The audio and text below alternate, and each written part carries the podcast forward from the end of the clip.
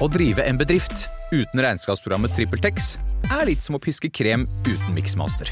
Det går jo, men det bare tar masse unødvendig tid. TrippelTex, det fleksible regnskapsprogrammet som forenkler hverdagen for over 100 000 fornøyde kunder. Prøv gratis på TrippelTex.no. Har du et enkeltpersonforetak eller en liten bedrift? Ikke det? Nei. Nei, men da holder vi det enkelt og gir oss her. Fordi vi liker enkelt. Fiken superenkelt regnskap. Hva er forskjellen mellom et kjøleskap og et annet? En vaskemaskin og en annen. Denne oppvaskmaskinen i stedet for den. Velger du Bosch får du slitesterke produkter som verken sløser med vann eller energi. Rett og slett bærekraft som varer. Like Bli med inn i hodet til John Ausonius. Bedre kjent som Lasermannen. Han nøt å se seg selv på nyhetene, men han var ikke fornøyd. Han skulle jo drepe. Det samme året skulle han skyte to mennesker til, før han omsider oppnådde målet om å drepe. Hør på innsiden av Psykohoder med Jonas Alf Oftebro og rettspsykolog Susanne Nordby Johansen. Gratis der du hører podkast.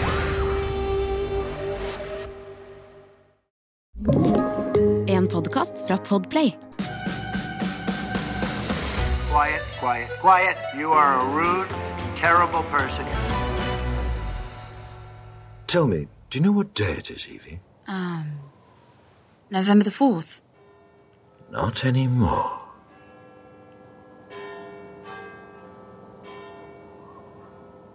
Remember, remember the 5th of November, the gunpowder, treason, and plot.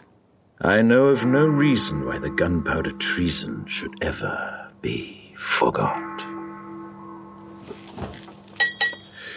First, the overture. Yeah. Det var overtyren til dette programmet. 5. november, Gjermund. eh, Det er eh, USA-valget. Men dette dramaet her sier også en del om eh, kanskje hva som venter oss. Dessverre. Det er jo konspirasjonsteorifortellerne par excellence, nemlig de som har lagd Matrix, som da har laget begrepet, hold dere fast folkens, red pilling. Det er jo da, tar du den blå eller den røde pillen, tar du den røde, så får du sannheten. Og det er oftest det som ikke er fakta, og det skal du jobbe for mot demokratiet. Dette er vi for Vendetta, som de kom med etter Matrix-filmene. Hvor Guy Fawkes, denne hvite og svarte masken med bart og et sånt fippskjegg, er blitt Anonymous sin store logo. Og Vi for Vendetta handler om en revolusjon for å ta demokratiet tilbake. Og så syns jeg det er helt magisk at det er 15. november, og det er 15. november i vårt valg, og det er karakter Det er der vårt karakterdrama ender. Og revolusjon for å ta demokratiet tilbake er jo også en interessant fenomen i seg selv. Og det er, det er jo nesten der vi er nå. Altså kampen for å unngå at demokratiet slipper mellom hendene på amerikanerne, er jo godt i gang. Ja, og alt er definert av perspektivet. For eh, V for Vendetta fungerer dessverre utmerket for trumpister også. Så eh, det vi skal gjennom flere sider av drama og virkeligheten. Vi skal eh, selvfølgelig snakke om 15. november. Vi skal snakke om veien dit via South Carolina, som nå hadde primærvalg. Hva lærte det oss? Hva i verden skjer med Haley fremover? Vi skal innom Trump trials, selvfølgelig. Det er karakterdrama i seg selv. Og så skal vi innom en liten sving innom Alabama og fryste embryoer. Og litt abortkampen. Og så skal vi avslutte med Putin, som allerede nå har planlagt å stjele valget i favør av sin favorittkandidat. Det er hybridkrig mellom Russland og USA. Det er arrestert en FBI-agent som heter Smirnov. Vi skal snakke litt om det. Han må øve på navnevalg, hvis du skal liksom ikke havne i mistankens eh, Altså havne under lupen. Men aller først, det med karakter er ekstremt viktig for å forstå presidentvalgkamp og drama. Alltid. Det er det vi jobber etter som uh, lager drama. Så prøver man å da skape mennesker eller dyr som folk føler og mener veldig mye om. Og da er det viktig å kunne den aristoteliske karakterdefinisjonen og alle dens iboende vilt svære konsekvenser. Og den har vi jo testa. Uh, du tok ikke litteraturvitenskap. Nei, men karakterdefinisjon er eh, character is choice under pressure. Altså, hvilke valg gjør du når risikoen, stakes og dilemmaene tårner seg opp? Der, hvis vi ønsker å lage en karakter som vi skal respektere og ha tillit til og lene oss inn imot og virkelig føle for, så bør den ta de rette valgene til rette tid. Den kan gjerne ta mange svake valg, men i det største øyeblikket så skal den velge det vi liker. Og motsatt, hvis vi vil ha en antagonist, eller vil ha deg til å støtes fra en karakter for å sette det opp mot vår hovedkarakter, så skal det valget og de konsekvensene det mennesket blir portrettert som, det skal gå i negativ retning. Og der prøver begge disse kampanjene, i motsetning til slik medier holder på, med nyhetskriterier og viktighetskriterier, å skildre disse kandidatene som eh, skal framtone for oss, så er dramatisering det viktigste når man lager strategi. Altså, man må skape de øyeblikkene og få opp stakes, vil si risiko, følelsen av tap, følelsen av at dette kan gå forferdelig galt, eh, og la vår hovedkandidat skinne. Hvis du da ser på hva Donald prøver på, er det bare en invertering av det Biden gjør. Jeg syns Biden har en noe hederligere strategi, for Donald prøver alt han kan til å få alle sine følgere til å skjønne at verden din står på uendelig spill alt du er glad i, blir borte. Så det at vi ofrer demokratiet, er underordnet at de kommer til å endre ditt liv på kriterier du syns er verre. Og så demotiverer han ved det interessen for å stille opp for Biden. Det handler ikke om å tegne han for mørk eller noe slikt. Det skal demobiliseres på hans side. Og den type karakterdrift rundt hva er valg, det er jo da hvordan tegnes Trump, hvordan tegnes Biden, og så er det mobilisering av vårt valg som skal skje på denne Vi for Vendetta-dagen. 5. november. 5. Eh, november. Og hvor, som jeg syns er et uh, overdådig godt poeng, uh, hvor de som da velger, skal velge si, ut ifra sine stakes. Så det Donald prøver, er å få alt til å bli viktigere enn demokrati, og det er han ganske flink til så har han Putins hjelp. Så det kommer vi jo tilbake til. Uh, nei, Vi for Vendetta, det er jo en film du har sett òg? Absolutt, og det er en Altså, det er jo en uh, opprinnelig en grafisk roman, altså en, en, en tegne, tegneserie, som, uh, som er altså med å en en fascinerende fortelling om altså Vi er jo kanskje sånn Det er Hunger Games-aktig også. Ikke sant? Den, eh, frihet da, eh, overfor undertrykking. Um, og som du sier, fascinerende her er jo at dette er på en måte liksom narrativet både til Biden og til Trump. Det er jo kampen mot en type uh, udemokratisk, uh, fascistisk uh, krefter. Ja, Vi starter jo i et diktatur, og så ja. forstår ikke folk helt hva et diktatur er. For det har holdt på så lenge at det føles naturlig. Og så blir vi jo kjent med diktaturvirkemidlene, hvordan undertrykke at frykt må opp, og underholdningsmaskiner pumper på som ville helvete. Ja, fordi, ikke sant, og, og det, er, det er jo det eh, ba, Altså, det er jo det Biden advarer mot, er jo at konsekvensen av Trump 2.0 er en, en, en Han bruker F-ordet, han, han kaller det for fascisme. Haley er veldig skeptisk til at eh, Biden bruker fascismebegrepet. For så med god grunn. Og det Trump advarer mot, er at fascismen allerede er her via, via Biden. Så vi er, altså vi for Vendetta passer veldig godt som dramaturgi for valget 5. men eh, begges synsvinkel er, og de slåss med, slåss om hvem som har maska. Ikke sant? Og ja. det er hvem skal være hvem er victim, hvem er offer, og hvem er forbryter. Og begge to har en forbryterfortelling om den motsatte, og det er innenfor eh, PR-faget. Dette er jo Trump superdrilla intuitivt. Uh, everything's uh, I'm a rubber, you're glue. Everything you say bounces of me and sticks to you. Et jævlig dumt barnerim, men han lever 98% etter det. Hvis du kommer med en påstand om han, så er han ganske flink til å coine en eller annen frase, så den sitter på deg. Kall det fake news, det han driver med. Well, Han tar fra hele medieverden ordet fake news og gjør det sitt. Og altså, selve begrepet anonymous òg er jo ganske interessant, eh, fordi der også har jo begge føler et eierskap til altså Anonymous er jo Det har jo blitt et internettfenomen, altså type sånn varslere, da. Eh, Det er et kjempeviktig eh, vigilantesystem av internettpåvirkere som gjør kriminelle ting i ofte det godes tjeneste. De har prøvd å demontere Al Qaida, de har jobbet mot eh, svære terrororganisasjoner, de angrep Putin så det holder etter. Men makten og slagkraften deres er ikke så stor som jeg liker å se i film. Samtidig så så vi jo altså En av de fremste bøkene skrevet eh, om Trump-presidentskapet ble jo skrevet av en som kalte seg Anonymous, eh, som, som senere eh, sto fram.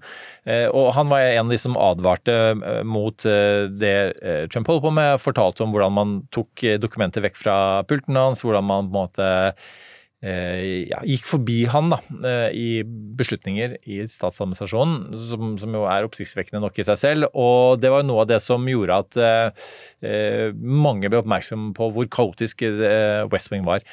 Men vi har også sett eh, Anonymous blitt brukt. Du sier Gjermund, at eh, man, de har ikke vært sterke nok. Men vi har også sett eh, folk bruke eh, det begrepet, dette, denne masken, he, hele den idéverdenen, til det motsatte. Altså man har eh, hacket på, på vegne av udemokratiske krefter, da. Eh, og, og det er sånn, den opprinnelige, sånn, disse naive, idealistiske ideen om at eh, hackere eh, og eh, folk som på en måte mm, ja, på siden av systemet da, kjempet for det gode sak. Nei, det var jo ikke bare det. Eh, det vi har jo sett mye av det motsatte. Folk Ja, som bruker dette for å eh, tjene penger, for å sverte svarte eh, demokratiet, og, og for å ja, ja, styrke en type sånn anarkisme. da. Å ta bedriftens årsoppgjør og sende inn skattemelding uten regnskapsprogrammet TrippelTex er litt som å kjøre budbil uten GPS. Du får nok levert, til slutt, men ikke uten å rote rundt og bruke masse tid. Med TrippelTex kan du stole på at du har riktig verktøy til regnskapsjobben. Prøv gratis på TrippelTex.no. Har du et enkeltpersonforetak eller en liten bedrift? Da er du sikkert lei av å høre meg snakke om hvor enkelt det er å levere skattemeldingen med fiken, så vi eh, gir oss her. Fordi vi liker enkelt. Fiken superenkelt regnskap. Velkommen til Kjemperådet. Yes. Denne gangen har vi fått inn et kjempedilemma fra en familie. Jeg leser Hei, vi er litt uenige i familien her. Mm. Hvis du skulle vært et dyr, ville du hatt gjeller eller vinger? Oi, den er tricky. Ja, Hva ville dere hatt, da? Altså, jeg vet ikke, men Med familierabatt får du ubegrenset data fra Telenor fra 399 kroner. Da kan du scrolle seg til svaret, rett og slett. Ja, ok, Men for min del Ja. gjeller. Nei, nei, nei, nei, vinger. Nei, nei, gjeller. Ja, okay, ja, kjempebra. Men eh, se nye mobilabonnement på telenor.no, da. Du og jeg er jo veldig, veldig morsomme og utrolig underholdende og prøver alt vi kan å framstå som om vi har veldig spennende posisjoner, men vi er jo sentrister og jævlig kjedelige. Altså, det og anarki blir jo utrolig fort eh, gå fra rot til farlig eh, i min verden. Og når jeg ser for dere de romanene som V for Vendetta er, hvis du tar den V-en og snur den opp ned og slår en strek, så er det et stort poeng i det visuelle, grafiske, at eh, V for Vendetta ender i anarki før det da får en ny fase. Og nå skal ikke åpne den døren for vidt, men eh, Assange-saken har jo preget mediene i siste. Jeg har kommentert det en del, og det også er jo en sånn eh, en person som, som var en helt for mange, eh, som Det er en russisk spion. Som endte opp eh, som eh, delvis russisk spion. Han hadde sitt, eh, sitt eget TV-program på Russia Today i et, et kort eh, livet periode, riktignok. Eh, Og eh, han sp- spredte videre de funnene som russiske hackere gjorde på Demokratene og Hillary Clinton sin server, og ble dermed én av tungene på vektskåla ved valget i 2016.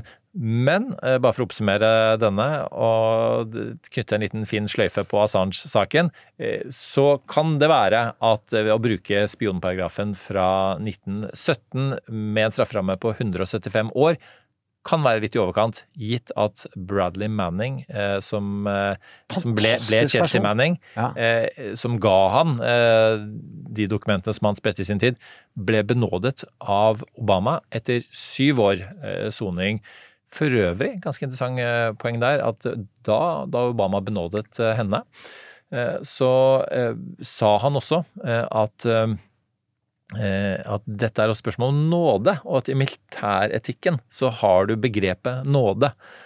Og det er, det er interessant. Så får vi se hvordan Assange-saken ender. Jeg tror ikke det kommer til å ja, altså, innebære en benådning til slutt. Her er det mulig å gå, eh, å gå en viktig sving om hva nåde er. For det har jo ikke jeg lært før i skikkelig voksen alder. Ja. For jeg har gått i søndagsskole og alt sånt, og tatt kristendomsundervisning og prøvd å være flink på skolen og ta eksamen og alt sånt. Men vet du hva nåde betyr? Eller hva nåde faktisk er?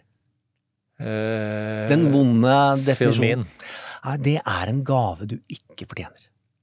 Altså det du- det du får uten å fortjene. seg, er ekstremt viktig i det nytestamentlige at det er jo fordi Gud elsker deg, så viser han deg nåde. Og når du ber om nåde, så er det som at jeg vet at, du fort, at jeg fortjener at du ødelegger meg, men allikevel så ber jeg om at du tilgir meg. For det fortjener ikke. Og det er, syns jeg, er utrolig rart å gå hele livet og ikke vise hva et sånt ord er. Eh, Obama så er jo nåde ekstremt viktig hvis man tenker på talen etter noen skytemassakrer. Men det får vi komme tilbake til når det er aktuelt. Men eh, altså, eh, Donald han eh, er litt opptatt av South Carolina, men det er ingenting som han er mer opptatt av enn november. Never seen the Republican Party so unified as it is right now. Never been like this. Uh, if you don't mind, may I have the pleasure of introducing some incredible people? Because they stuck right from the beginning, from the very moment we announced, and, and they believe in make America great again. That's what they believe in. They believe in America first. We're putting America first. First of all, my family, Melania, Barron, Don Jr. and Kimberly, Ivanka and Jared, Tiffany and Michael. They're so, so supportive. So supportive of me, and we really appreciate it and love them. They're great. We have a great family, and we have incredible friends. And we're going to be up here on November 5th, and we're going to look at Joe Biden, and we're going to look him right in the eye. He's destroying our country, and we're going to say, Joe, you're fired. Get out. Get out, Joe. You're fired. Det er litt av et karaktergalleri, og for de som ikke liker alle mulig TV-er og serier og film og virkelighet, så er America First et god, gammelt amerikansk fascistslagord. Så skal vi dra til South Carolina. Hvordan gikk det?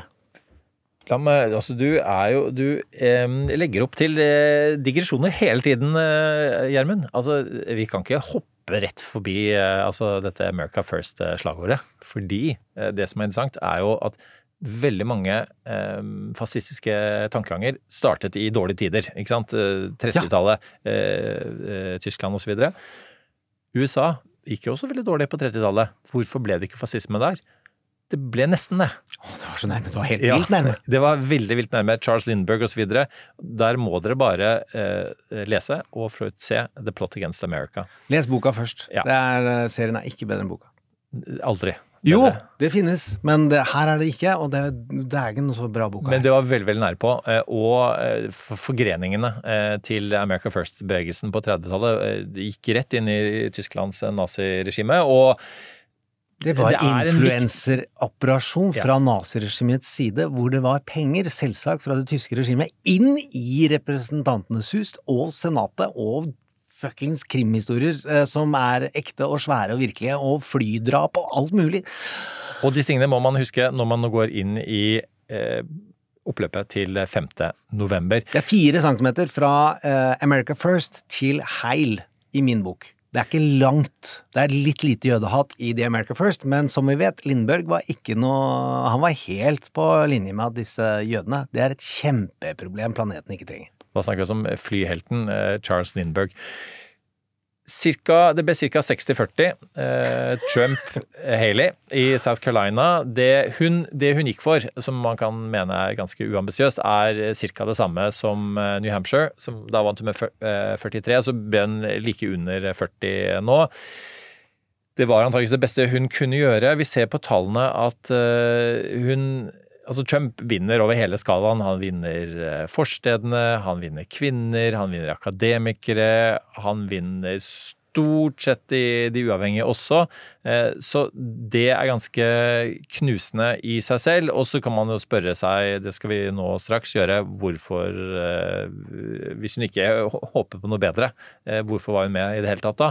Og hvorfor er hun fortsatt med, gitt at hun Dette kommer til å bli mye, mye verre når de, når de kommer til Super Tuesday, som er altså er om ti dager, 5.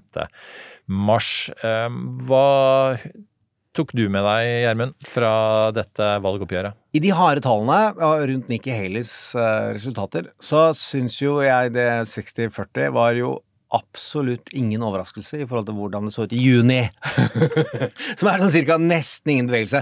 Det ligger noen 4-5 eh, over, men det er jo da en eh, historisk svak hjemstatskandidat som taper så det synger.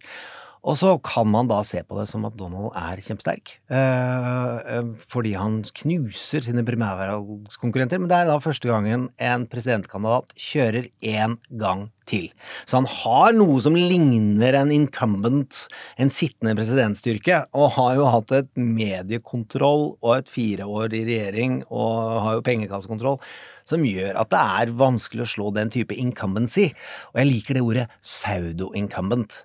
Og så er det den Nikki Haley. Saudi. Saudo-incumbent. Saudi ja, det var lang diskusjon blant eh, eh, 538 like supertallnerder, Ja. Eh, hvor de krangla så b- nerdebustene føk. eh, Og hvor jeg syns den beste posisjonen var at den, det er ting som ligner, og det er ting som ikke ligner. Ja, for det, det, er veldig interessant dette med incumbent, altså altså en, en kandidat som, som måtte ha vært president før, eh, som, eh, som, altså, som vanligvis da, altså den sittende presidenten som stiller igjen. Mm. Og så har i moderne tid så har man ikke hatt en tapende, eh, altså en som har vært president før, tapt og så stiller igjen. Da må man tilba- gått eh, tilbake i tid. Men eh, det som er interessant, hvis du snur på det da, og tenker sånn at ja, det jeg sa i stad tyder på at eh, Trump vant veldig overbevisende. Hvis du snur på det, så sier du at eh, eh, Haley stjal nesten 40% av stemmene til Trump. Og at eh, det var et annet valg samtidig, nemlig, eller det vil si noen eh, par uker før, i South Carolina for demokratene, eh, hvor en person vant med 96% av stemmene. Ja, den, den svake, ryggløse, meningsløse personen som bare surrer rundt, fikk 95 Ikke sant. Og, og det er eh, Og så tenker man at eh, Og han er også han incumbent. Så hvis du tar disse to incumbentene mot hverandre, da, Mm. hvor den ene får eh, 60, den andre får 96, og da det er, det er en forskjell. Eh, Og der, og der er tver, eh, South Carolina er et tverrsnitt av det, det republikanske partiet, sier da de store statistikerne som Harry Enton på CNN, eller 538, eller det som er Hva heter han på MSNBC som alltid holder en papirrull, for han tror at det Steve Kornacki. han tror at det er karakterbyggende. Eh, props don't build character. Choice under pressure does. Steve, hvis du hører på. Uansett så sier han jo at eh, det er eh, veldig bra tverrsnitt. Det er noen delstater hvor det er mye tyngre, det, de som kaller seg real conservatives. Her er fordelinga sånn 70-30 mellom de som har leaning litt mer mot sentrum. Og Haley tar jo da 30% pluss 10 Og de er de som kaller seg independent, som ikke er, sjelden er så mye independent. De er ofte stemmer republikansk likevel, men de kaller seg uavhengig. Det er en del av denne freedom-bagen. Og hun tar da 30% fra Donald. Hvor kommer de til å stemme i november? Det er ikke mange poengene som skal til eh, for at Donald får eh, litt eh, Må bruke mye mer ressurser i South Carolina. Og da må han bruke peng, mindre penger et annet sted. Og de fleste av eh, velgerne til Haley kommer til å stemme på eh, Trump. Haley kommer til å stemme på Trump. Men hvis 5% av Haleys velgere ikke stemmer på Trump fordi de mener, som, som jo for så vidt eh, en fjerdedel av republikanere gjør, at at det at eh, han blir dømt for en av disse, rett- en av disse rettssakene, altså straffesakene, han er allerede dømt for de to sivile, så, så vil ikke de eh, ønske å stemme på han. Så får vi se hvordan de tallene blir etter hvert. Men hun, altså Biden sine tallfolk, de sitter nå og ser på at hvordan skal de få 5% av disse, av disse 40 da, nå til å stemme på Biden i stedet. Og det er ikke så vanskelig, og det er bare Nei, det som nei, skal nei, til for at de vinner. Og jeg tror de, og der tror jeg de har bedre tall enn det, men at det er viktig å ikke snakke eh, ned budsjettene sine. Så de eh, sier at de skal ha 5 fordi at da må de få masse penger til kampanjen sin. Eh, Det er jo Blant de 40% som er på Nikki Haley, så er jo 30% av de har konservativt stemt og sier i exit polls at de vil stemme på henne. 70% av de som har stemt på Haley, sier at de vil stemme på republikansk. Men det er ganske mange som ikke, sier at de ikke vil allerede nå, og som er uh, veldig utnyttbare. I tillegg til at disse exit pollsene gir jo da datagrunnlag til oppfølging på en helt annen måte som Biden-kampanjen Biden kan bruke. Skal vi høre hva Haley sier? Ja, ja, for du er spesielt glad i denne talen. Ja, det er jo det er litt sånn Obama light. Eh, taleskriveteknisk eh, så er det jo ekstremt viktig å lage et narrativ. Altså, det litt mer folkelig definisjon. Hvor kommer du fra? Hvor skal du? Hva er eh, Hva skal du være redd for? Og hva er håpet? Jeg kan ikke ta, Vi tar ikke hele, men hør hvordan hun beskriver sin plass. Det hun lager da, er det vi kaller et uh, Gjermund-shaped hole. Det vil si at du prøver å lage et behov for at Gjermund skal komme og gi dere løsninger i PowerPoint uh, når man er i konsulentverden, men hun lager et Nikki Haley-shaped hole, så stort som mulig. Uh, og er ikke så dårlig på å snakke ned gutta hun slåss mot.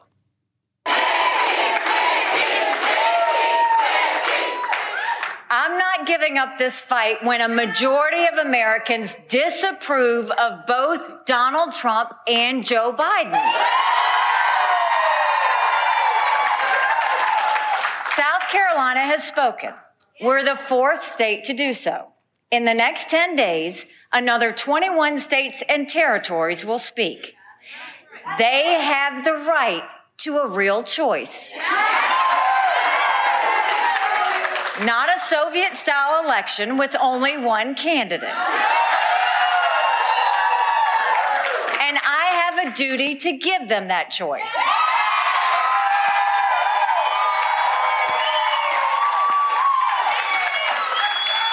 We can't afford four more years of Biden's failures or Trump's lack of focus. Nine million illegals have come to our border with enough fentanyl to kill every single American. And beyond our borders, the world is on fire. War is spreading further every day. If we aren't strong, those wars will draw America further in.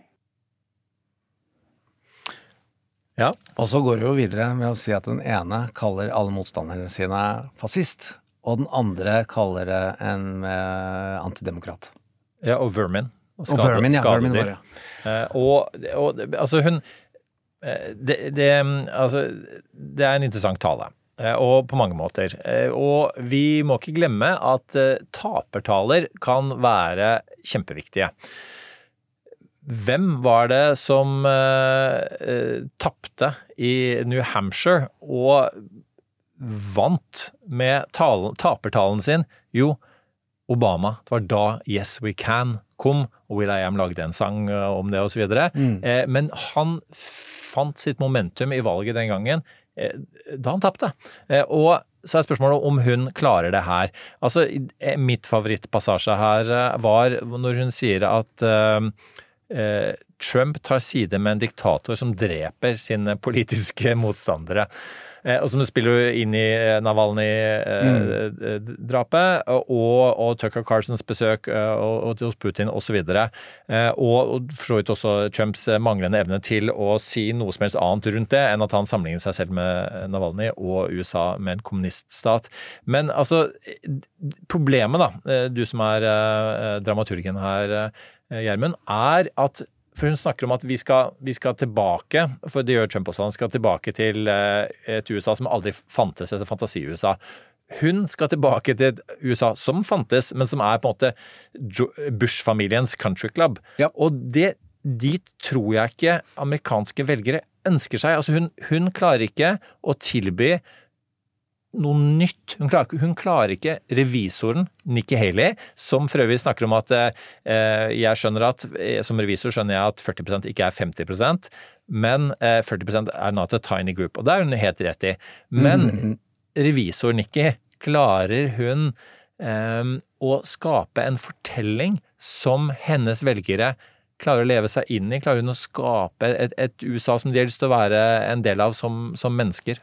Nei, det er jeg jo enig i, men det er langt bedre at, uh, for, ut fra mitt syn, for hennes, hennes politiske framtid òg, er at hun klarer da subtilt, og ikke da eksplisitt, Donald er nazi, Donald er Putin-elsker. Mm. Det er Hun lager talen der et Stalin-hint, som er en mye mer måte å gni inn og få folk til å lene seg inn i å tenke selv fram til Putin-koblinga og Vermin tenke seg til nazikoblinga, og at dette er en litt farlig mann. Så jeg er jo redd for at hun ikke er så opptatt av å stoppe uh, Trump som uh, hun er for å stoppe Biden. Av de grunnene du sier at hun er en Bush Eh, republikaner, og Bush-politikken har skapt en finanskrise og satt oss i en krig vi ikke skulle vært i, eh, mens, vi, mens terroren var et annet sted.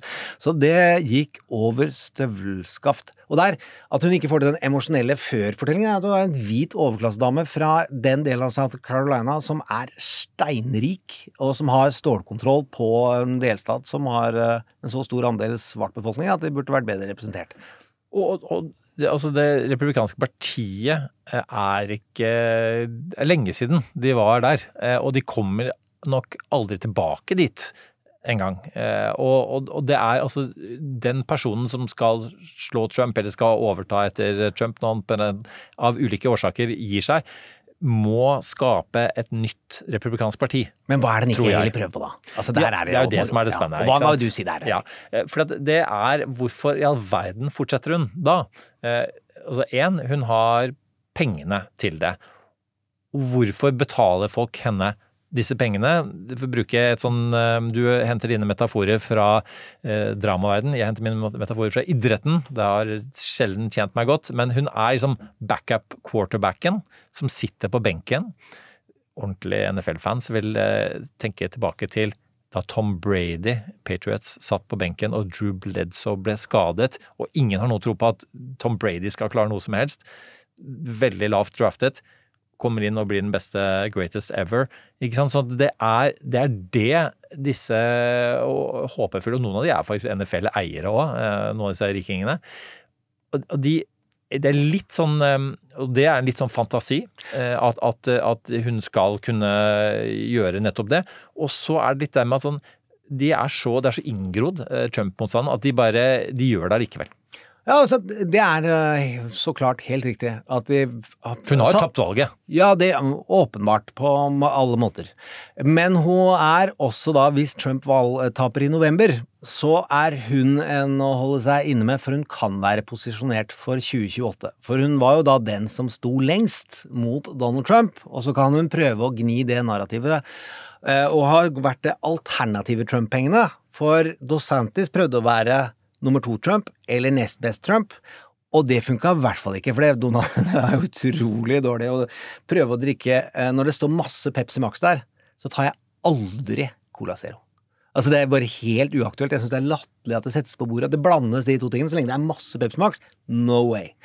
Og ja, Så da har de investert i det. Det andre er at de investerer i Trump-motstand av den tanken du sier. De vil ha et narrativ om at det fins republikansk eh, fra gammelt av håp om anstendighet videre. For et eller annet sted på denne nedbrente Finnmarksvidda av et nedsvidd anstendighet eh, i uh, republikansk parti, så må det bygges noe nytt. For du kan ikke ha ett parti som heter Det demokratiske parti, for det er jo selv ikke jeg for. og, og, og, men samtidig så er hun um, Altså, det som er litt sånn fun fact, eller kanskje unfun fact, som, sånn er det ofte i amerikansk politikk, er jo at og som mange ikke er oppmerksomme på, er jo at La oss si at uh, hun er med i løpet da til, til litt forbi Super Tuesday, der, hvor en tredjedel av stemmene skal telles. Sånn, da er på en måte mye av valget over. Altså, nå er vi litt sånn ut mot sommeren, og la oss si at uh, noe skjer, da. Det kan, være, det kan være et politisk attentat. Det er ikke Det har skjedd før. It's on the table. Eh, og eh, det kan være et helsespørsmål, og det kan være at disse rettssakene blir så crazy. Vi kommer til det hvert øyeblikk, at det fins noen, finnes noen joker-X-faktorer inni der som er bare helt uh, morsomme å tenke på. Absolutt. Og det, da, hva er det hun tenker da? Ja, nei, for det, også, også hvis, det, det, Dette vet hun veldig godt, men hvis hennes tilhengere da tror at ok, da, så hvis Trump da eh, ikke lenger er med i valgkampen, eh, at, at, hun da skal overta, at hun er the last person standing osv. Men det vil ikke skje, fordi da har jo Trump har jo vunnet alle disse delegatene. eh, Og han vil på en måte ikke Partiet vil ikke nødvendigvis bare gi de til henne. De vil antageligvis gi det til en For det, det står de i sin fulle rett til. Gi det til en person som ikke har øvet så sterk motstand til Donald. Eh, altså her kan det, kan det kan være Jeg tror det er enda mer korrupt enn som så. De er Ja. valgt for å beskytte Donalds juridiske interesser, og de vil aldri velge en kandidat for å lede det partiet som ikke skal benåde Donald. For ellers så har eh, Donald gjort feil. Og det har han gjort. Han har eh, gjort litt feil før, men han tar ingen folk som han ikke er 1000% sikker på at er lojale inntil Donalds død. De kan til og med være barna hans. Og det, no, noen har spekulert i det. Men poenget er at det, det blir sannsynligvis, jo lenger dette her varer, så blir det ikke eh, Nikki Haley. Og da er det Nikki Haley antageligvis eh, tenker eh, om eh, altså 2028, eh, trolig. Og så er det store spørsmålet, tenker hun og eller visepresidentkandidat? Vi har snakket om det før. Eh, jeg tror virkelig ikke det. for at apropos den lojaliteten som eh, Trump vil ha, som er 110 Paradise Hotel-stil. Det er i hvert fall ikke 99,99% Nei, det er jeg enig men der er Donald forstår litt rating, som vi kan komme til hvert øyeblikk. Altså Han forstår at hvis det er sånn helt vilt mye større sjanse for at han vinner med en kvinnelig visepresident, og de tallene er, eh, tror jeg kan være ganske overbevisende, så er reality-kongen og tabloidkjendisen som drev med reality-TV live i tabloidaviser lenge før reality-TV begynte å skje, nemlig tilgivelse. Å, vi var enemies, og nå er vi together again. Så lenge han har kontroll. Ja, ja, ja, og så lenge det smiskes. Og som Tim Miller, eks-GOP-superstrateg, er nå tatt over den legendary podkasten Bulwark, som Charlie Sykes det Nå blir det name-dropping, altså, men all ære til Charlie Sykes, som er da en eksrepublikaner, kjempekonservativ, dundrer på som Never Trumpens eh, business største hærfører, sånn ord for ord, dag for dag, daglig sending. Tim Miller sier det er 1 sjanse for at dama har en ryggrad. At hun gjør det riktige karaktervalget under press. Så, og han har tenkt på republikanske kandidater hele livet sitt. så der er jeg på Jeg tror egentlig heller ikke at hun sier ja til visepresident, fordi det er så store sjanser for fengsel og alt mulig Ja. når du går inn i den kampanjen. da. Hvis du ser det evnen til å gjøre kriminelle ting, så er den hinsides det vi noen gang har sett. Og Nixon hadde rødma grått over å bli satt i, i samme Nixon og Trump. How? I'm, I'm maybe a crook, but I'm not Donald Trump, tror jeg han hadde sagt da. I stedet på toppen av den flytrappa, for de som er gode nok på referanser til Nixons verbale feilsteg. Ja. Et lite innblikk i hvem som det kan være. Eh, Det fikk vi på Conservative Political Action Conference, CPAC, eh, nå nylig. Og da var det 17 mulige kandidater, og så stemte man av disse eh, ulike delegatene om hvem det kunne være. Hvem tror du vant? CPAC er legendarisk kjent for å ha valgt den som helt sikkert ikke blir president, bortsett fra den ene gangen de valgte Donald Trump. Og CPAC var jo en sånn Ronald Reagan, litt sånn konservativ Altså, anstendig. anstendig. Anstendig, anstendig, Nå, nå er det, er det full, full on maga, men de eh, valgte eh, på delt førsteplass Sør-Dakota-guvernør Christy Noem. Og eh, tidligere president Nei, unnskyld, president eh, eh, Primærvalgkandidat Vivek Ramaswamy. Ja, og da vil jeg si, 15% f- Førstnevnte er jo da den som legendarisk Nå bruker jeg ordet legendarisk mye, men la oss si jeg bruker insane da, for å snakke med ungdommen. eh, lager USAs største motorsykkeltreff under pandemien, og de dauer jo som fluer. Dama er en QAnon og antivax-helt av dimensjoner. Og han nummer to har jo flørta så det er ikke flørt. Det er ligge med høyreekstremisme verbalt og uh, i internettkontomessig og deling av informasjon på altså, måter som Donald Trump har holdt seg for anstendig for. Og de to jeg tror eh, kan eh, bli, være de mest aktuelle Nå hopper jeg over Tulsi Gabbard, som er altså tidligere demokrat. og Rabiat gal Ja. og høyreekstremist med rar bakgrunn fra Hawaii. Go look it up! Det er og tidligere soldat og det hele tatt. N- 9 vi, vi skal ned på 8. Det er også en, en eh, Det blir da delt eh, fjerdeplass, og det er altså New York-kongresskvinne Elise Stefanik. Og så er det eh, Sør-Carolina senator Tim Scott, altså som er afroamerikansk. De er på 8 Jeg tror det blir en av de, og jeg tror kanskje mest på Stefanik, gitt det, Fortell, det fortell litt, litt på de karakterene. Hvem er Stefanik, og hvor kommer hun fra, og hvor går hun? Eh, Hun kommer fra et anstendig, ganske moderat politisk eh, tenkning, eh, og har posisjonert seg som en person som skal ekkoe eh, alt Donald Trump eh, sier og gjør. eh, Og Er hun litt- lurt inn i det? Er hun, har hun, en Nei, vanlig, nei, har hun sånn fullført barneskolen aldri... og bare jobba på et kjøkken? Hvor, hvor Aldri- har hun studert? eh, Aldri sett en så Hun er opportunistisk eh, Harvard-advokat med ekstremt gode karakterer. Ja. Ikke det at jeg respekterer det, men da må du klare å forholde deg til store mengder informasjon skrevet i bok. Ja, og, og hun, hun, altså dette er ren opportunisme. Hun, hun posisjonerer seg politisk eh, på denne måten her. Eh, Og Tim Scott er, er jo da, som altså, ganske interessant, det var altså South Carolina. Altså han eh, ble Altså han, han hans politiske mentor på mange måter er Nikki Haley. Det var hun som måtte berette grunnen for at han skulle slippe til. Og eh, han er jo en av disse her da, som, som sto på scenen sammen med Trump da i South Carolina. Ja, og han har jo vært håpet til eh, Mike Murphy i Hacks on Tap. Eh, og det håpet er slukket. Stearinlyset er knekt, og det er kastet vann og betong over håpet. For han har jo slukt absolutt enhver kamel på planeten eh, for å bli Donalds visepresident. Er det lov å si at han er jo da en fantastisk gjengangervits innenfor en av de mest forbudte humoren som ikke er for, forbudt, men det er litt sånn smakløst å drive og spekulere i homofili.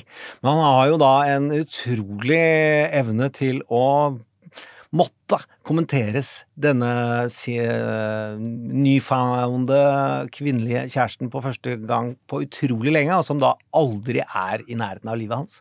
Eh, og som anstendige homofile som love it, He love it or leave it. Eh, og Obama-taleskriver har mye humor fra et homofilt ståsted. Og dermed så bare gjenforteller jeg det, for jeg er jo hetero gift 51 og kan jo ikke vitse med noe annet enn menn over 51. Vi eh, går til Alabama. Og vi skal til eh, frosne eh, embryoer. Og der har vi litt rann, eh, lyd. In Alabama, the state Supreme Court is handing down a historic decision that could impact the future of in vitro fertilization. The court ruling that frozen embryos do indeed qualify as children under its state law.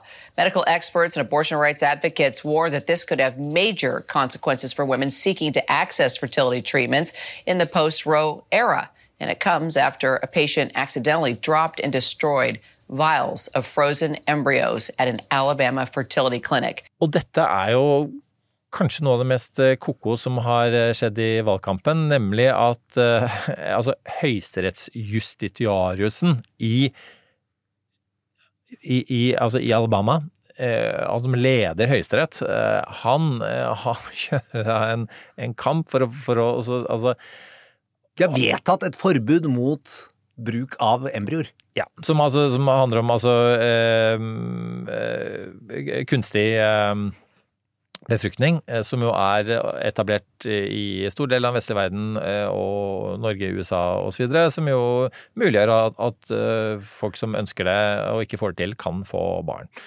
Det ikke, IVF. Er det ordet jeg har lært meg at det heter. Ja, og, og det, betyr at uh, ikke bare vil de da ikke kunne eh, få barn uh, med dette, men de blir da kriminalisert hvis noe skjer i prosessen som gjør at disse frosne embryoene uh, blir skadet. Ja, for du har fått menneskestatus, så det betyr at blir de drept, så dømmes du for uaktsomt drap, eller overlagt drap, eller et eller annet sted på den skalaen som Sofie kunne vært her og forklart de ni trinnene på vei til 21 års fengsel. Men det er jo en høyesterettsdommer med høyesterett bak seg som vedtar denne loven ut av det blå. Det burde de ikke være. Egentlig et profesjonelt republikansk parti. Så burde de hatt signaler om at dette burde de lukte at dette kan skje. Hvorfor er dette viktig, Eirik? Nei, altså, Dette går jo også inn i hele abortspørsmålet også. som jo er på en måte, altså Trump har jo prøvd nå å distansere seg fra dette, og distansere seg fra på en måte, de mest rabiate eh, abortmotstanderne i partiet sitt. Men det er jo ingen tvil om at han har jo åpnet døren for alt dette. Og altså, han klarer ikke å putte den tannkremen tilbake i tuba. Altså det, det, det går ikke. Dette her har, her har han nå mistet kontroll på. Og disse tingene her eh, kan være med å ødelegge valget for han, og det å velge en kvinnelig visepresident vil ikke hjelpe. Dette er jo det er jo noe, noen grunner til at Donald har tapt mye siden 2016, og det er veldig mye som tyder på at dette er hovedgrunnen at han fikk kvinner mot seg før han klarte å få høyesterettsdommeren gjennom, og at høyesterettsdommerne, mot eh, det Donald antageligvis trodde, at Roe v. Wade den elendige abortloven rent justeknisk, men velfungerende eh, retten kvinner har da til å bestemme over sin egen kropp i alle delstater i USA, blir avlyst. Og det var mobiliserende i 2018, det var i 2020, det var i 2022, eh, og det håper og tror man jo at vil være veldig avgjørende i 2024. Og så har Donald vært flink til å ta litt sånn der neimen, neimen, neimen. samtidig som han skryter ut av venstre. I den andre medieøkologien så er jo han høyesterettsendreren i flere tiår framover. Mm. Og det skryter han av. Og han hadde ikke vunnet valget hvis ikke det hadde vært et ledig sete, og det hadde vært mobilisert på ant... Eirik, du må slutte å slå på mikrofonen. Det er Gjermund gjør. Unnskyld. Han er en taler med hendene, for han får ikke nok ordtid. Så han må ikke overskompensere. Slipper jo knapt til. Ja, denne hva faen! Hvor er den tredje mannen? Tause Birgitte. Uh, skal hvert øyeblikk fòre. Uansett, eh, det at de holdt det settet var ekstremt mobiliserende. Vel, nå mobiliseres det mye hardere og drøyere i andre enden, og denne her er utrolig er jo tannkrem tilbake i tuben. Det er jo demontere en banan Nei, det er å montere en banan etter at du har spist den. It is hard. Og jeg tror ikke Nei, jeg tror dette er veldig farlig for dem. Dette, dette er jo, vi har snakket om det før, abort eh, vil være den store mobiliserende faktoren. Det har vært det i alle valg siden eh, denne dommen ble opphevet, og vil fortsette å være det. Og det er en av de tingene som Kamala Harris har veldig stor troverdighet på. Hun eh, reiser rundt nå, delvis sammen med, med Biden og kona Jill, på Restore Row, eh, og det mobiliserer som bare rakkeren.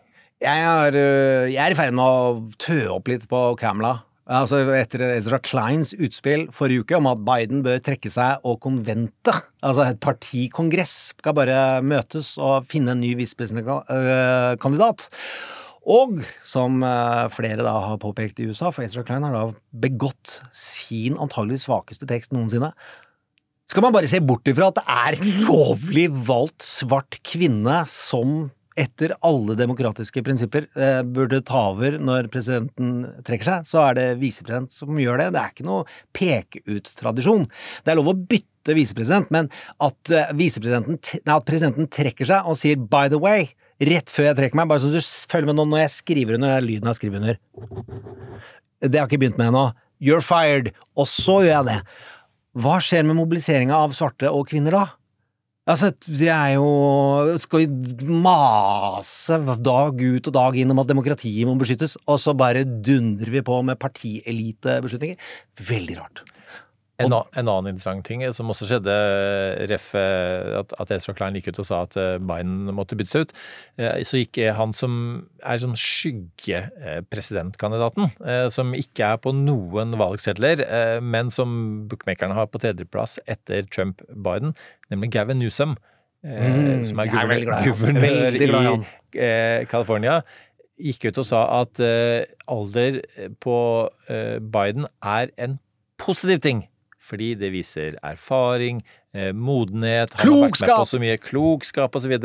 Og jeg så ikke helt den komme, for han er en opportunist, han også. Men eh, han, eh, han er nå den fremste våpendrageren til Biden, og basert på Bidens alder. Det, den er jo frisk. Han er varma opp, men han er varma opp for en, pos for en posisjon nummer Ja tre, og i god tid. Og han er opportunist. Han ser på dette året 2028. Han kommer ikke til å si 'Camela, it's your turn', tror tror Nei. mange av oss som ikke nødvendigvis spiller på, med penger på hva som skjer. Eh, Men han er fra California, og det er Cameron også. De er jo bitre konkurrenter fra way back. Gavin ser da også ut som det eh, alle amerikanske presidenter som blir casta i TV-serier fram til 24 kom. For du skulle være hvit, du skulle være over 1,85, du skulle ha et hakeparti som eh, Roar Hagen hadde tegna etter Hardy-guttene blei 20 år eldre. Eh, og han er rik, humoristisk, glimt i øyet, og er altså så gjennomgående strømlinjeforma, men allikevel humor og punch. En klassisk TV-personlighet. Og lagd for og av og med California.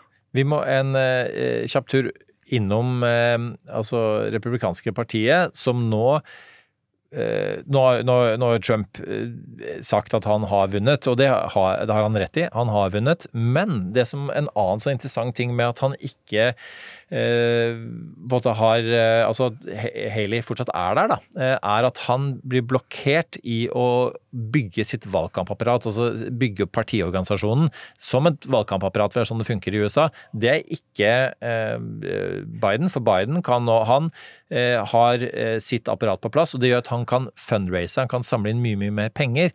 Men det at eh, Haley fortsatt er, med, gjør at eh, det, ja, det blokkerer, sånn at han da han har to kandidater han ønsker å ha inn som ledere i republikanske partiet. Og det er Michael Watley, og det er eh, Lara Trump, som du hører på etternavnet. Hun er i klanen. Hun er eh, svigerdatteren gift med Eric. Og hør eh, her, eh, fordi du får jo mandat og myndighet, og du må tenke på hva skal jeg gjøre, hva skal jeg gjøre for partiet, og hva skal jeg gjøre for framtiden. Det er 50 delstater, det er mange som skal vinne det, vinne i november. Det er ikke bare Donald Trump, og i tillegg, det er mange måter man må tenke med disse pengene på, og kandidaten kan ikke styre alt. Eh, Så kan vi se hva Lara Trump eh, mener. You may have seen the recent news that despite her embarrassing and ethically degrading fealty to Donald Trump, Ronna Romney McDaniel is set to be effectively kicked out of her position as head of the RNC.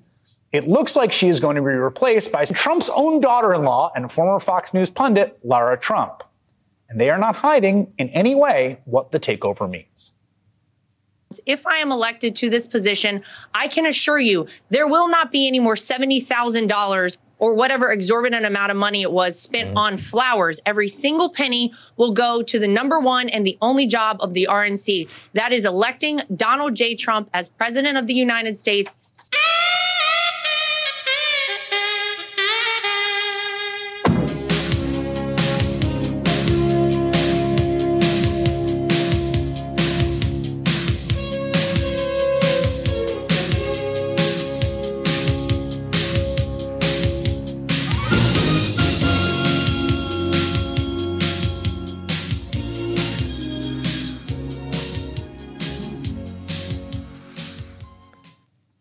Trump Trials. To viktige saker. Eh, Det økonomiske eh, Altså boten til eh, Trump i sivilrettssaken i New York gikk opp. en liten tad. milliard. En milliard! Og vi skal innom din eh, favorittaktor, nemlig eh, Fanny Willis i Georgia og den eh, romansesaken der. Men først New York. Altså én milliard opp. Da er vi på 4,7 milliarder som Trump skal betale innen Hvor mange dager er det nå? Jeg tror det er 26 En- eller 25. Det er 30 dager fra den ble avsagt, og så lærte vi oss dette ordet da, pre-trial interest, som da er 1 milliard. Og det koster han 1 million dollar ekstra per uke uansett hva som skjer, bare i rene renter. Og han må skaffe seg da en bond, altså et pantebevis. Noen må garantere for alle de pengene inn på en konto til New York hvis han har tenkt å anke. Eller uansett hva han, så skal de ha penga med en gang. Så det er eh, Han har en ha... Hva, hva, blir det? Blir det fem milliarder kroners regning? Liggende og slenge, og det er 24 dager igjen. Og han, det er mye mer enn det han egentlig skal bruke på valgkampen. Og hvem har de pengene? Eh, Man kan se for seg at eh, en person som nylig sa at han eh, ikke skulle tilbake til politikken, nemlig Kushner, hans, nev hans svigersønn Altså han som driver det skjult kamera, Ashton Kushner. Nei, Jared Kushner. Og nettopp. Eh, Mye mer interessant og farlig. Og og han eh, har en eh, deal med Saudi-Arabia som eh, er ganske inntektsbringende for han. Det går jo an å, å spørre noen av eh, eh, hans persongalleri der borte eh, om ikke de kan bidra litt her. For hva var lommepengene han fikk idet han gikk ut døra av Det hvite hus og spurte kan, er det noen her som kunne tenke deg å låne meg litt penger, for jeg kjenner Donald Trump. Hva var størrelsen? Det husker jeg faktisk Jeg tror det er 2 milliarder dollar. Ja. Det er eh, 20 milliarder kroner, hvis jeg er fritt tatt ut av min hukommelse, som ikke er hakkande gæren. Men det er jo da med pant i et bygg som ikke er i nærheten å være verdt de pengene. Og hva er tallet på det bygget der vi får vendetta, konspirasjon, alt henger sammen med alt? Hva er tallet, Eirik? Gjett. Seks. Seks. Seks er det tallet bygdegjengen han kjøpte, hadde. Eh, rett før pappaen havna i fengsel fordi han drev med ulovlige ting, og Chris Christie heiv han inn. Men han har en Utrolig at du klatret deg opp igjen fra det kaninhullet du forsvant inn i da du Ja, men det er det, det er, det han har Gjermund. det, de, de, han, var ingen grunn til at han skulle få de milliardene, annet enn at de kjøper seg goodwill fra halve politiske Eller la oss håpe, da. 47 av det politiske establishment i USA. But uh, Hunter Biden. Ja. Det er, eh, det er klart. Ja. Eh, og, ehm, eh, men altså, det, det, hvordan man skal betale dette her, det er, det er faktisk et veldig stort spørsmål, og det er veldig vanskelig. Og det kan være som sagt at de som graver dypest i lommene her, er noen som Trump ikke ønsker å assosiere seg for nært på. Og så er det den andre rettssaken, din favoritt Fanny Willis. Det sagaen fortsetter. Ja, og der er, jo, der er vi virkelig inn i dramatisert eh, virkelighet av virkeligheten. Eh, hun kjemper jo for å få opp denne store konspirasjonsrettssaken hvor hun bruker mafiaparagrafer, og så blir det levert noe som da de sier vil anføre som bevis fra motstanderens side. eh, at eh, påstå at hvis Wade, han som leder, statsadvokaten som leder faktisk rettssaken, hun er jo da øverste ansvarlig, og han skal lede det, de har ligget sammen. Og det er helt greit, så lenge de begynte å ligge sammen etter at hun ansatte. Og nå, hva, hva, hva skjer i vår serie, serie da? In comes Colombo. Eller Tulumbo, avhengig av hvordan dommeren ser på dette. Men de kommer da en detektiv som leverer et mobilmastbevis, som Norge har hatt en litt sånn ja, saktegående utdanning i hvordan det fungerer. I hvert fall.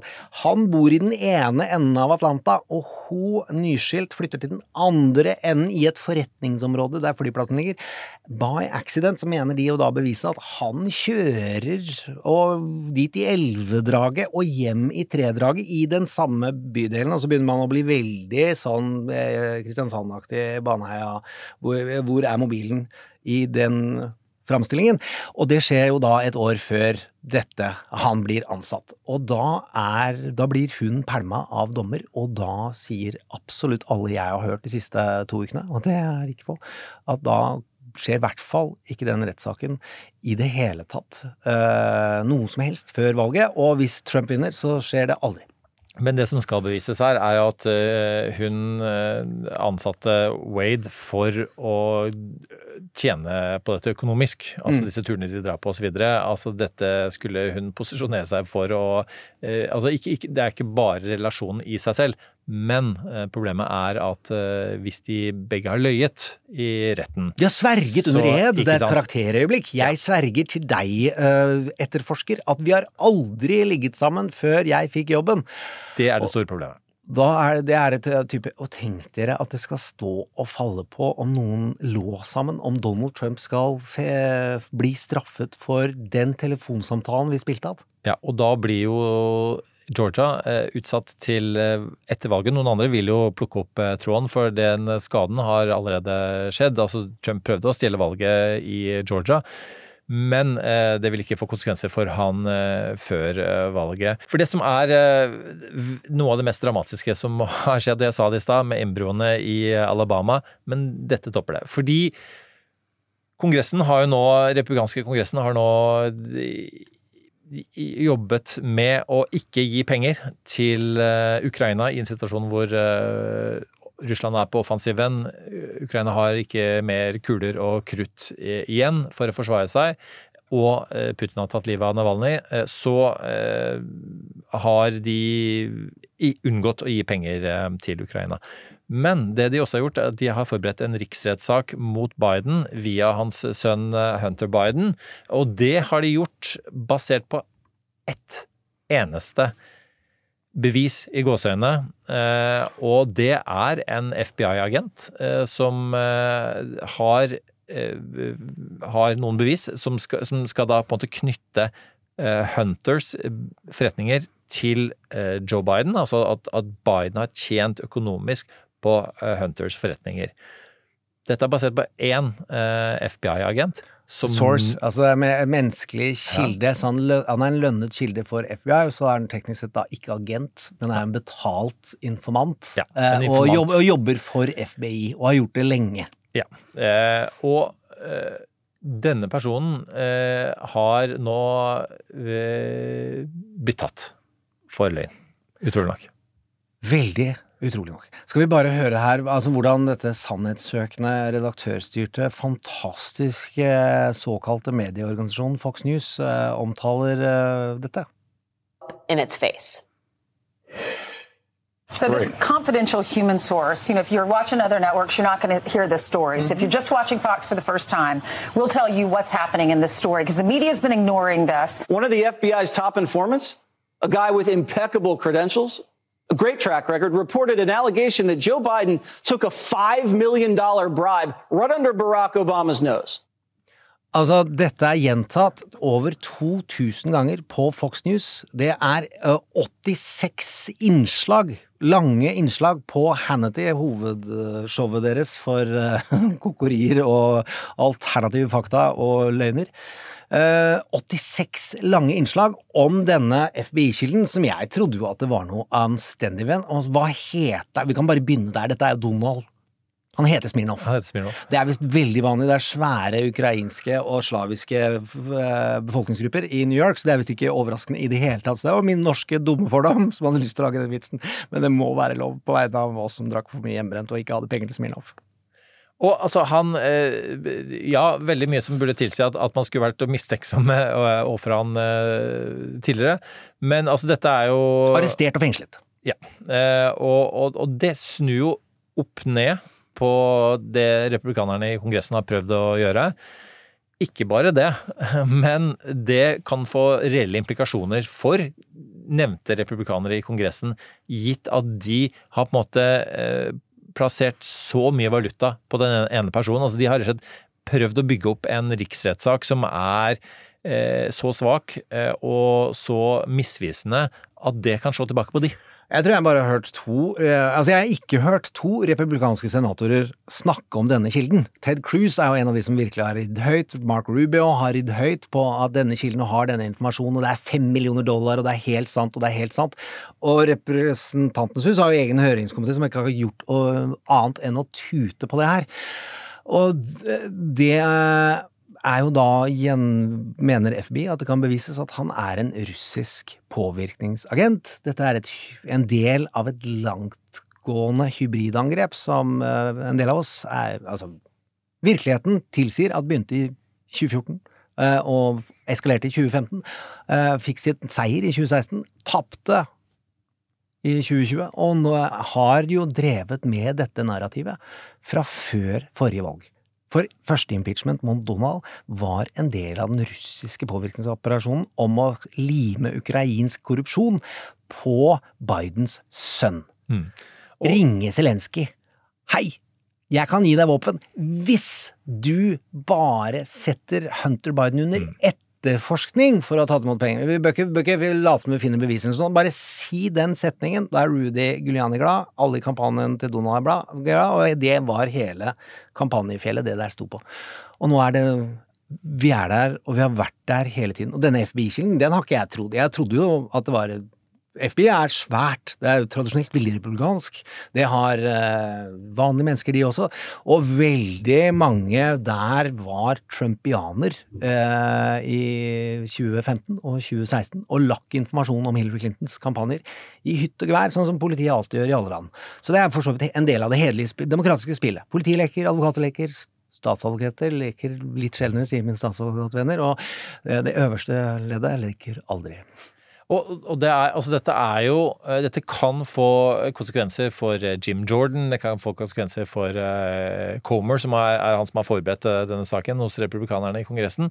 Uh, og altså dette er Er det noe republikanerne ikke burde ønske å assosiere seg med, så er det Putins valgpåvirkning av amerikansk politikk. Putin har allerede fått seieren ved at dette beviset gjør at det nok har vært nok diskusjoner til at da gir de ryggdekning til å holde igjen på ammunisjon, slik at russiske soldater får det bedre gjennom vinteren, som er det noe av det mest demotiverende man driver med, er også tydeligvis, har jeg lest i bøker og fra virkeligheten, ikke bare film, at det å krige i andre land om vinteren er grisekjipt. Uh, den seieren har han casha inn, og den har Trump gitt han. For de hadde ikke gått dit uten at Trump uh, hadde bedt de om å gjøre det.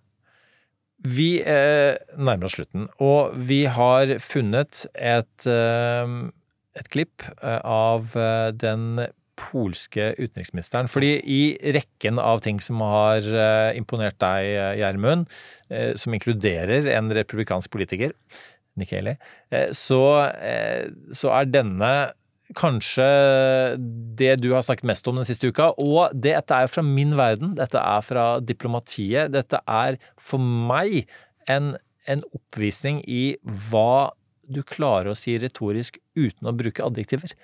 Nærmest kun ved fakta. Og hvis ja. vi hiver inn i dette her at uh, denne mannen vi snakker om, polske utenriksministeren, er gift med Anne Applebaum, den fremste demokratiforkjemperen. Og det er utrolig svakt av meg å ikke vite var det er det, var det, Visste ikke det? Nei, nei, nei, nei, nei, jeg har ikke googla gubben. Jeg bare husker at han jeg vet jo han er minister og sånn.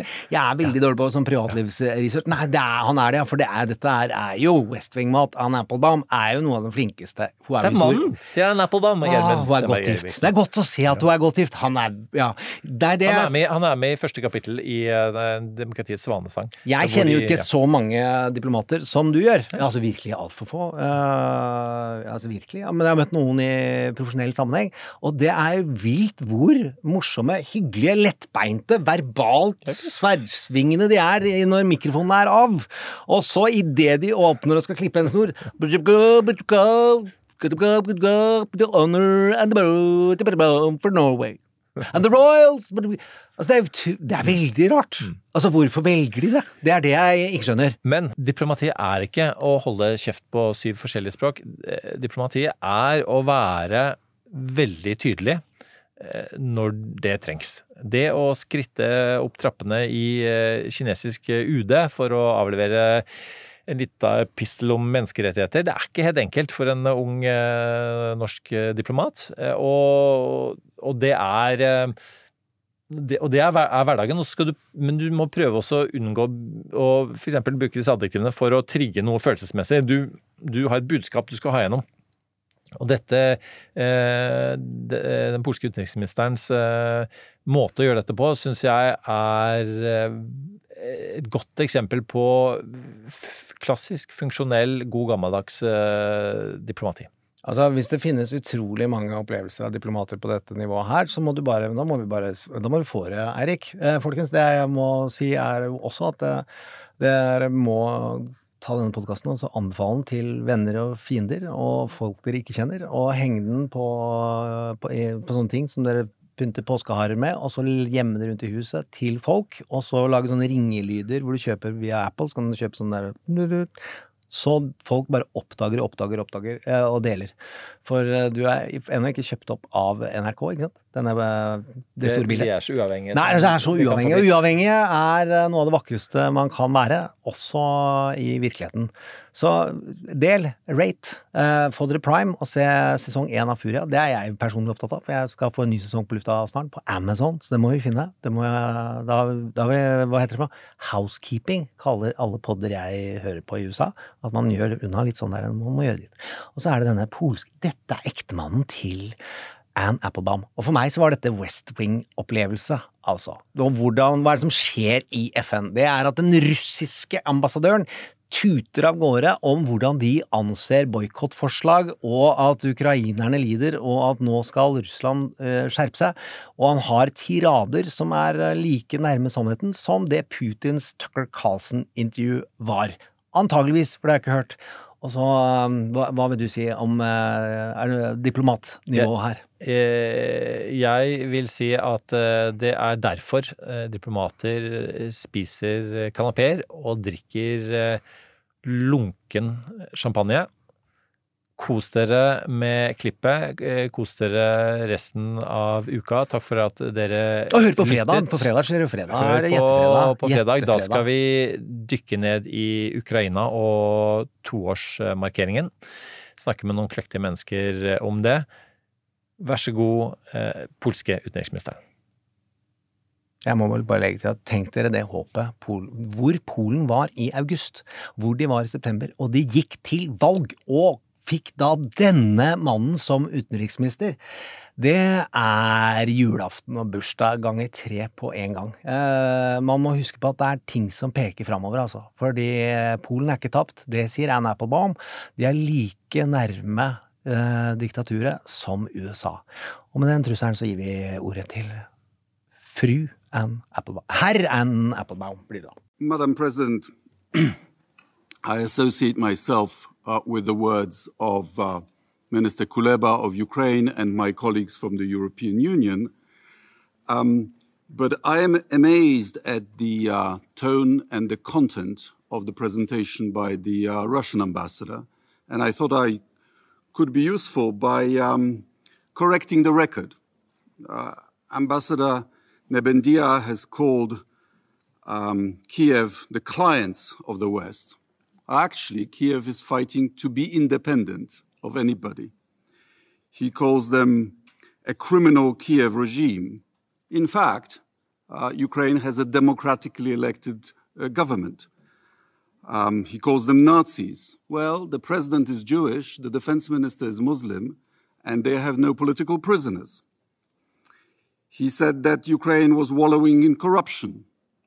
Well, uh, Alexei Navalny dem- uh, documented uh, uh, how um, honest and full of probity uh, his own country is. Uh, he blamed the war on US neocolonialism.